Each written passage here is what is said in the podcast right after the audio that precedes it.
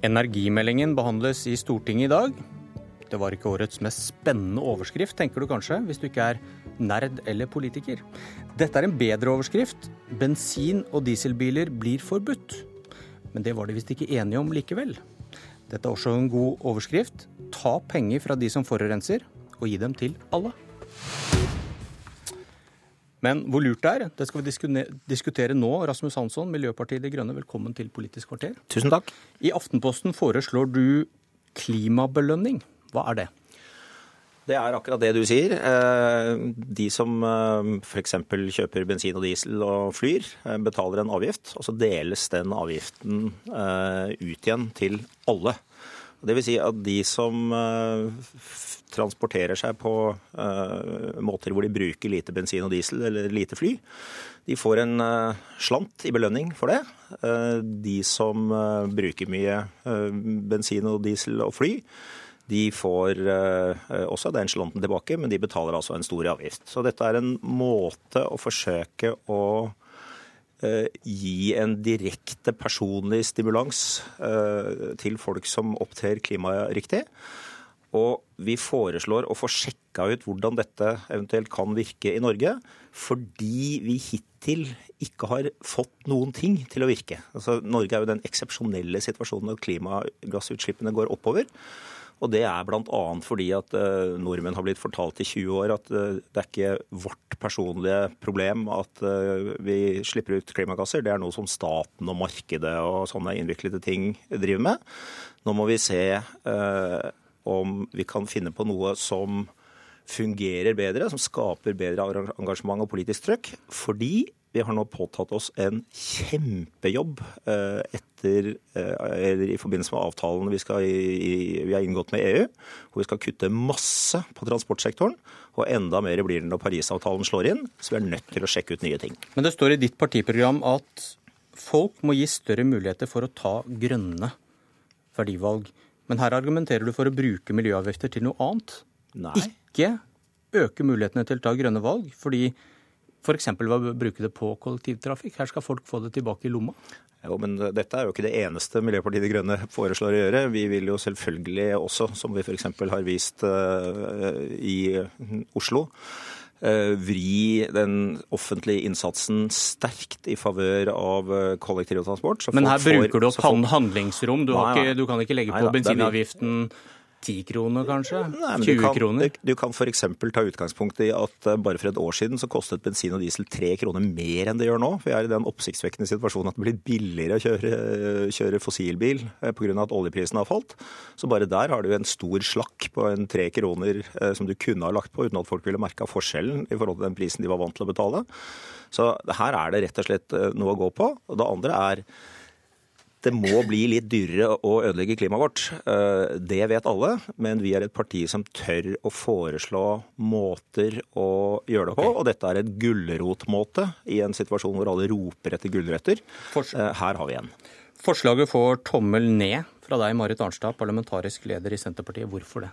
Jeg synes det er viktig å bringe inn noen motforestillinger. For nå kommer det så mange forslag knytta til, til miljø, og særlig kanskje på transportsektoren. Og det å bringe no, noen motforestillinger er viktig. Altså, Dette er jo ikke bare en klimabelønning, det er jo også en betydelig klimaavgift. Og i en ideell verden, der alle hadde muligheten til å sykle og gå til jobb og skoler og sånn, og der kollektivtilbudet gjorde at det kom et tog forbi hvert tiende minutt overalt, så ville kanskje det fungere. Men her vil det jo være sånn at den klimaavgifta som ligger i bunnen, vil jo være et ganske betydelig negativt for dem som da ikke har et kollektivtilbud, dem som ikke har, eh, kan sykle eller gå, dem som ikke har ladeinfrastruktur til elbil i nærheten. Og Det finnes en del av dem rundt omkring i det hele landet.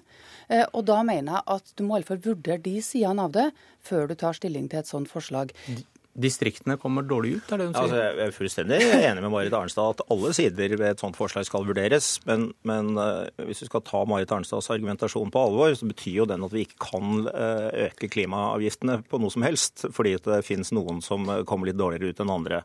Og det er akkurat det motsatte vi må gjøre. Som det bl.a. i den klimameldingen som skal, nei, i den energimeldingen som skal diskuteres eh, senere i dette programmet, eh, så er det en rekke forslag om å bruke avgifter for å komme oss ut av fossilalderen. Og det blir vi klin nødt til. Men Marit Arnstad er jo også mot flyseteavgift, og da spørs det liksom hva er det vi skal kunne bruke som virkemidler, da, hvis vi alltid skal trekke fram en eller annen negativ effekt som argument for at vi ikke skal gjøre noe som helst. Det syns ikke vi er noe lurt, men vi er helt enig i at vi skal sjekke ut og se, se om vi kan kompensere noen, for negative noen må, sider. Noen må kjenne det grønne skiftet på kroppen, Marit Arnstad, bare Jo. ikke dine velgere. Jeg tror det at, at vi kommer, altså det kommer til å være krevende for mange, og og mange kommer til å kjenne på at det koster noen ting, det som handler om klima og miljø. Men i all skatte- og avgiftspolitikk så er vi opptatt av en viss sosial og geografisk fordeling. Og det er risikoen med denne miljøavgiftsdebatten, det er at de avgiftene slår rett inn. Uten noen tanke verken på sosial fordeling eller geografisk fordeling. Det mener jeg er en ulempe med hele miljøavgiftsdebatten. Og jeg tror at, at konsekvensene av det kan være redusert legitimitet til de avgiftene eller de tiltakene du foreslår. Fordi at de tiltak på miljøsektoren må også bli forstått og akseptert.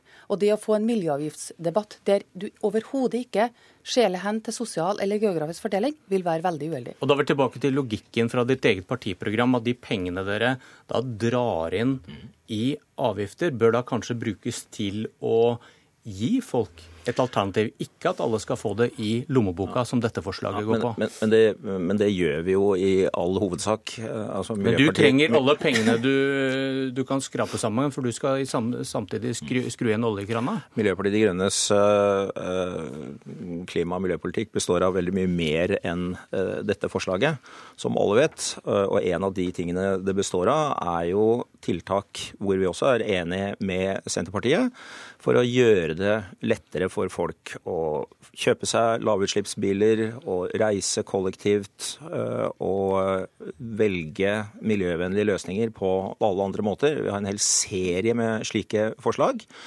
Men poenget er bare vi trenger også å prøve ut nye ting. Eh, Dette er et forsøk på en liten ekstra, et lite ekstra tiltak som kan sammenlignes med flaskepant. Du betaler litt ekstra for eh, flaska, og så får du belønning hvis du leverer den tilbake. Så enkelt er det. Kort i det, Arnstad. Og så uh, gjennomførbart er det. Altså Eventuelt tre kroner økning i bensin og diesel vil ikke være noe flaskepant. vet du. Ikke for den som pendler fem mil til jobb hver dag og ikke har noe tog i nærheten, eller ikke på en måte har annet kollektivtilbud. Og Det er det som er problemet. Kollektivtilbudet, muligheten til å benytte seg av annet eh, framkomstmiddel enn bensin- og dieselbiler, er dessverre for dårlig en del plasser i landet. og Det, er den gruppen som kommer til å bli straffa, og de kommer til å være svært vanskelig for å forstå denne type tiltak. Ja, men da, da argumenterer jo Marit Arnstad og Senterpartiet for at vi ikke kan bruke eh, miljøavgifter for å fase ut eh, bensin- og dieselbiler. og Det er jo Nei. du okay. nesten alene om i nei, nei. Stortinget nei, for å vi, mene. nei eh, ærlig talt, Rasmus. det Det, må gå an å er ha en fornuftig debatt om den geografiske og sosiale fordelinga av den type Ja, men det- avgifter det- uten å bli slått i hartkorn. Og det har vi forsøkt å ha nå. Takk.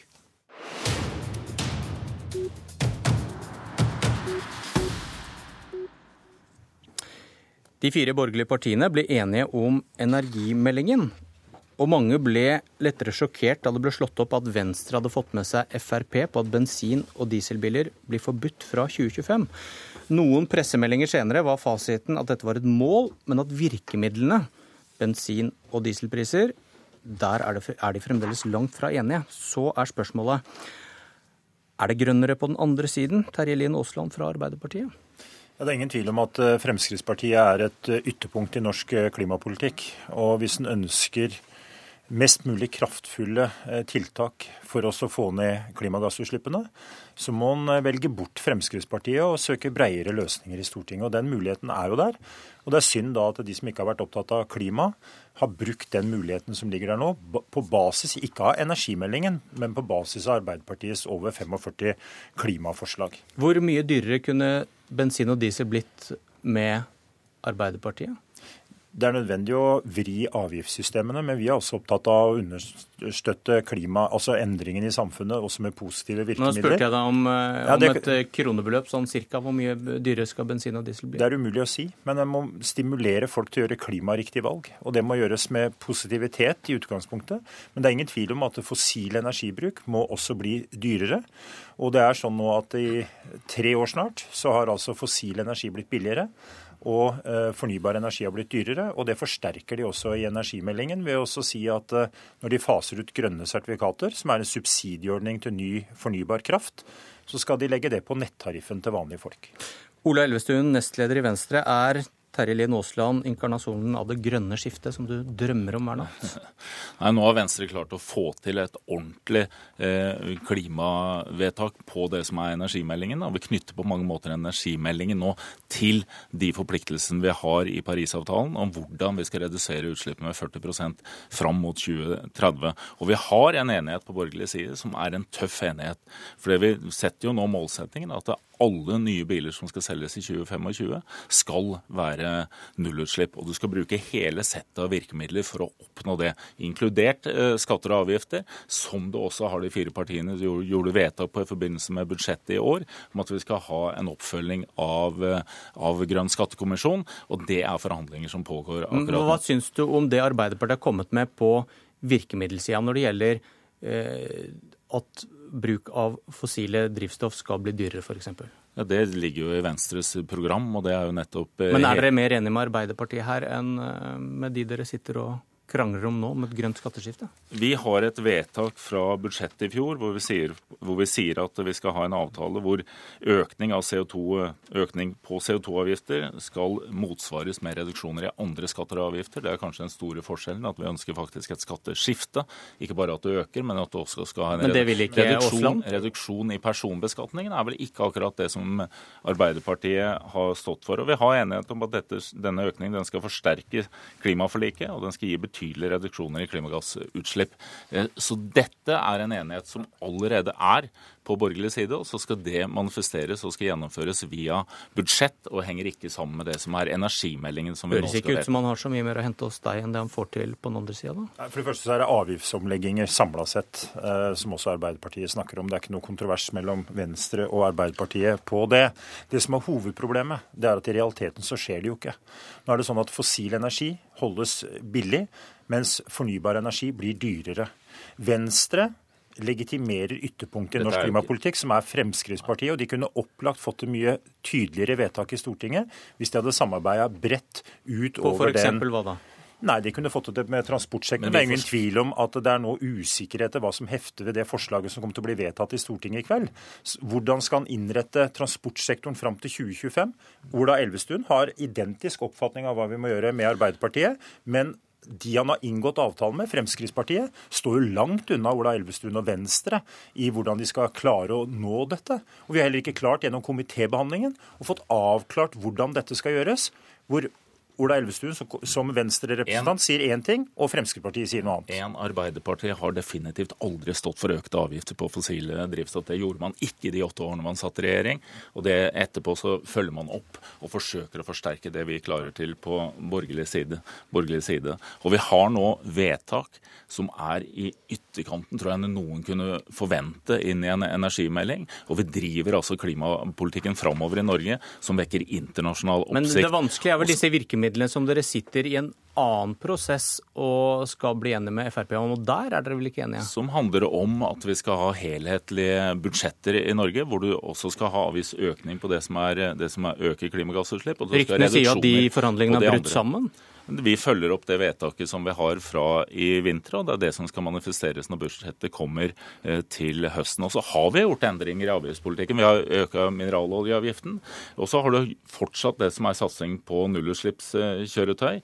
Vi har redusert det som Arbeiderpartiet økte, nettopp som avgiften på biodrivstoff, som slo over ende den nye næringen for biodrivstoff i Norge. Og vi har gjort, også gjort biogass mer tilgjengelig. Så dette er jo forslag som gjør at vi driver driver også landet framover i en endring i transportsektoren.